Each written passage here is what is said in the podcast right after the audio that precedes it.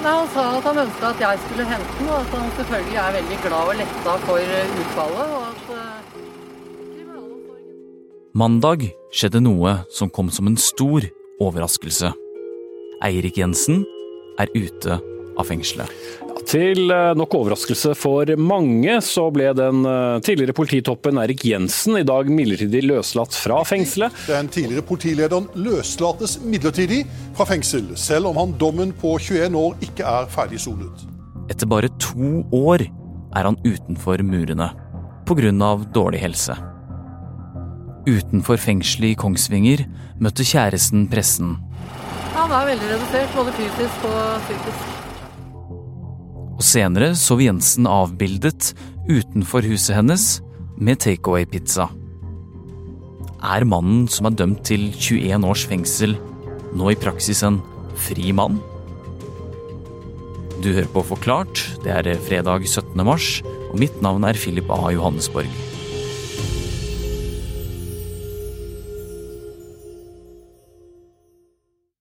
Andreas Slettholm, du er kommentator her i Aftenposten. Hvem er Eirik Jensen? Eirik Jensen var en uh, typisk uh, rufsete, profilert politietterforsker. Masse i media om organisert kriminalitet.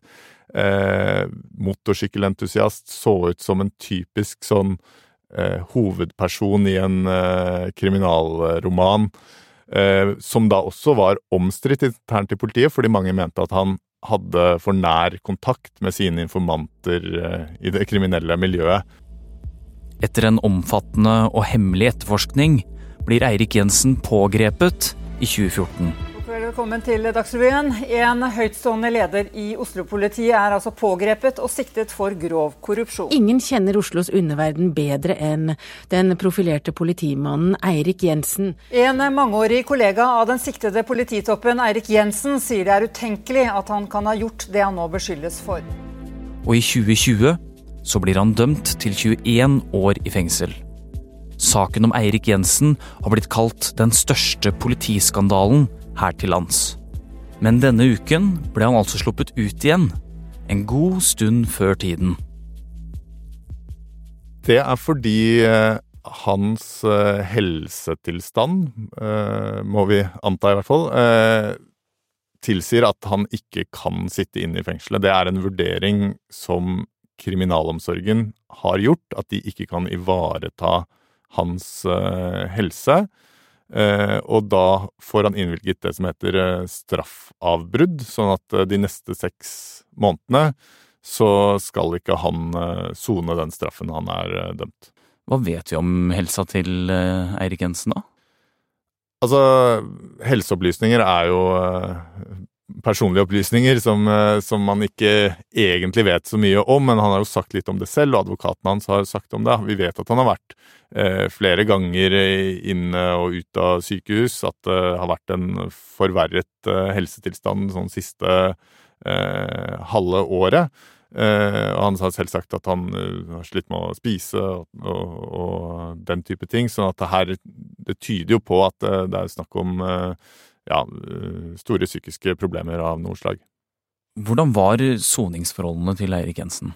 Etter det han sier selv, så har han takla det ganske dårlig. Han, eh, det er ingenting som frister, sier han. Han drikker bare kaffe og spiser cottage cheese og stirrer i veggen på cella 24 timer i døgnet. Han har eh, liksom isolert seg selv, da.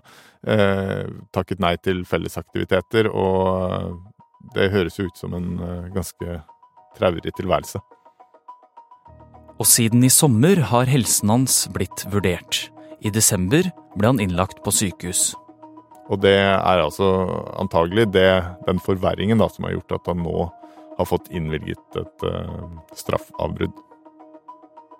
Straffeavbrudd betyr at du setter fengselsstraffen din på vent. I praksis kan du gjøre som du vil, så lenge du ikke gjør noe ulovlig, eller reiser utenfor Norges grenser. Poenget med et sånt straffavbrudd er at eh, du er for syk til å være i fengsel og må ut, og eh, forhåpentligvis eh, friskne til, da. Det er jo det som er eh, det formelle håpet med et sånt uh, avbrudd. Og så er tanken da i prinsippet at du skal tilbake igjen for å sone videre når du er frisk nok til det. Uh, I denne saken så er noe av det som er spesielt, er at uh, dette soningsavbruddet er veldig langt. Det er på et halvt år. det er mye vanligere å få noen uker, ikke sant. Det kan være akutte situasjoner som eh, som må forbedres. Sånn at det er jo flere eksperter som har stusset litt over den eh, lengden, da. Men i prinsippet så skal du da eh, så friskne til, og så skal du inn i eh, fengselet igjen. Så hvis Eirik Jensen blir frisk, så skal han tilbake i fengselet igjen, ikke sant? I prinsippet så skal han jo det, men eh, det er eh, forskjell på prinsipper og praksis, så det er eh, slett ikke sikkert at det er sånn denne saken ender.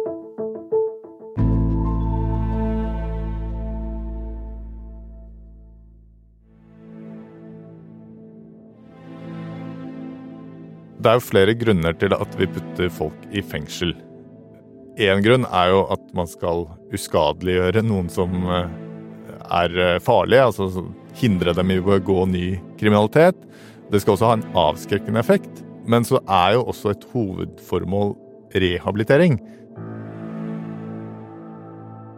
At de som eh, har gjort noe galt og befinner seg på en måte på feil side av loven, skal eh, tilbake til samfunnet og bli lovlydige eh, borgere. Eh, og de prinsippene står jo litt sånn i, i motstrid eh, til hverandre. Og i praksis så vet man jo at det er ganske mange som begår ny kriminalitet. Men det er klart, for samfunnet så ville det jo vært en eh, fordel om dette rehabiliteringsprinsippet, altså det at du faktisk klarer å komme deg på beina og komme inn i den lovlige delen av samfunnet igjen, om det, om det ble den sterkeste effekten av eh, fengselsstraffen. Det er også målet for Eirik Jensen. Og selv om han fikk lovens strengeste straff, så fikk han likevel innvilget straffeavbrudd. Når man vurderer straffavbrudd, så er det jo flere hensyn man må ta. Ett hensyn er jo hvis det er snakk om veldig farlige kriminelle. Så kan man si at ok, helsesituasjonen din er vanskelig, men vi kan ikke slippe deg ut i samfunnet igjen, for da vil du begå ny alvorlig kriminalitet. Eh, så sånn sett så kan du si at alvorlighetsgraden på dommen har jo noe å si for den vurderingen her. Men samtidig så er det jo noen sånn menneskerettigheter og humane prinsipper om at folk som er eh, for syke til å gjennomføre straff, de skal i prinsippet ikke gjøre det. Sånn at eh, du kan si at det er helsesituasjonen, da, eller det som også står i loven om andre tungtveiende grunner, som, eh, som til slutt veier, veier tyngst. Men er det ikke mange i fengsel som er syke og som ikke får innvilget soningsavbrudd, da? Jo, det er det. Det er jo åpenbart at uh, Jensens uh, posisjon, da, hans uh, advokat som jobber gratis for han, hans nettverk med masse folk som jobber for ham på utsiden, det gjør jo at han sitter et veldig mye bedre utgangspunkt enn veldig mange andre inne i fengselet. Men samtidig må vi ha tiltro til at fagfolkene i denne saken har gjort en god vurdering og, og komme til et uh, riktig resultat når han da får et uh, avbrudd fra straffen. Og det systemet skal nå avgjøre hva som skjer videre med Eirik Jensen. For det er overhodet ikke gitt at han skal tilbake til soning i en fengselscelle. Nå er Eirik Jensen nærmest som en fri mann å regne i eh, seks måneder, eh, siden han ikke soner straffen da, og så skal han i utgangspunktet tilbake. Men det er eh, basert da på at han friskner til og er, blir soningsdyktig igjen. Og det er det ene, sånn, ene utfallet her, at han skal tilbake i fengsel og sone dommen ferdig, men det vil selvfølgelig bli gjort en sånn helsevurdering da. Og så får du dette paradokset om han kanskje blir syk igjen av å gå i fengsel. Men, eh, men eh, det kan man se for seg at eh, er én mulighet. En annen mulighet er at han blir erklært soningsudyktig. Dermed må han, eller kan han, sone på en annen måte, nemlig med elektronisk fotlenke hjemme. Det er en ganske ny ordning når det gjelder soningsudyktighet, men det vil altså da være at han har en sånn eh, elektronisk dings rundt ankelen som registrerer om han er hjemme eller ikke, og hvor da eh, han fortsatt soner straffen og er i kriminalomsorgens varetekt, men, men eh, er ikke i fengsel, da. Et tredje alternativ, som har skjedd i noen andre profilerte saker, er benådning. Benådning er en uh, ordning der uh, regjeringen uh, bestemmer at selv om du er dømt til straff, så skal du slippe å sone den. Og det er eh, egentlig en overlevning fra, fra middelalderen, hvor nesten alt ga dødsstraff, og kongens nåde var et spørsmål om liv og død. Skulle på en måte beskytte mot korrupte rettsprosesser og den type ting. Og så har den overlevd i de fleste moderne land i en eller annen form. I Norge er, det, er den også i bruk, og det er noen veldig profilerte fanger som er blitt benådet opp igjennom. Arne Treholt ble jo benådet etter, eh, etter den kalde krigens slutt. Eh, Odd Nerdrum ble benådet for sin eh, fengselsstraff og skattesvik for, for, noen år siden. Det er omtalt som en slags sånn sikkerhetsventil, men det er jo regjeringen som egentlig bare overprøver det som har skjedd i rettsvesenet, da. Er det en mulighet for at Jensen blir benådet da? Jeg tror det er vanskelig å se for seg, blant annet fordi det er en politisk avgjørelse. Da må jo regjeringen stå til ansvar da, for å si at uh, Eirik Jensen ikke trenger å, å sone den straffen. Og en så uh, profilert og så hva skal jeg si, intrikat uh, og kontroversiell sak tror jeg det vil sitte langt inne for regjeringen å, å innvilge benådning. Og det som også er problematisk med det, er at det, det er jo ikke noe sånn i Hele resten av rettsvesenet er, er jo bygget på begrunnede avgjørelser. ikke sant? Du skal vekte bevis mot hverandre. Her er det jo ingen begrunnelse, ingen offentlighet rundt disse benådningsprosessene, så det gjør det jo også veldig vanskelig.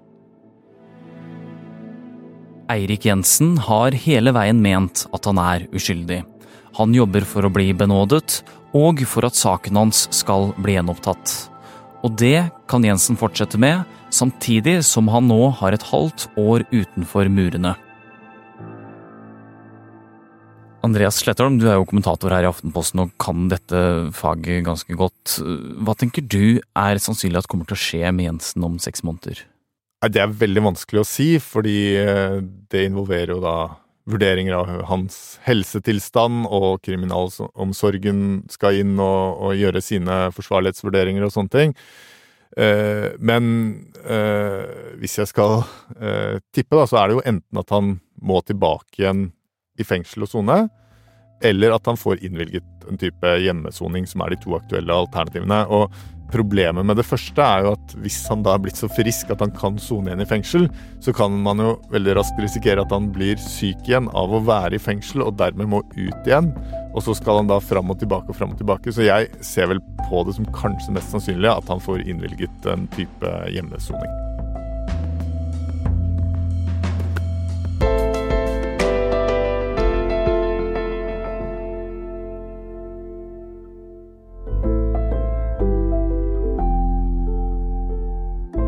Du har nå hørt en podkast fra Aftenposten. Det var kommentator Andreas Slettholm som forklarte hvorfor Eirik Jensen nå er ute av fengselet. Du har hørt lyd fra NRK og VGTV. Denne episoden er laget av Synne Søhol og meg, Philip A. Johannesborg. Resten av Forklart er Jenny Føland, David Vekoni, Trond Odin Johansen, Olav Eggesvik og Anders Weberg. Og om du likte dette, så husk å sjekke ut podkasten Folk, enten på ap.no eller i Podme-appen. God helg!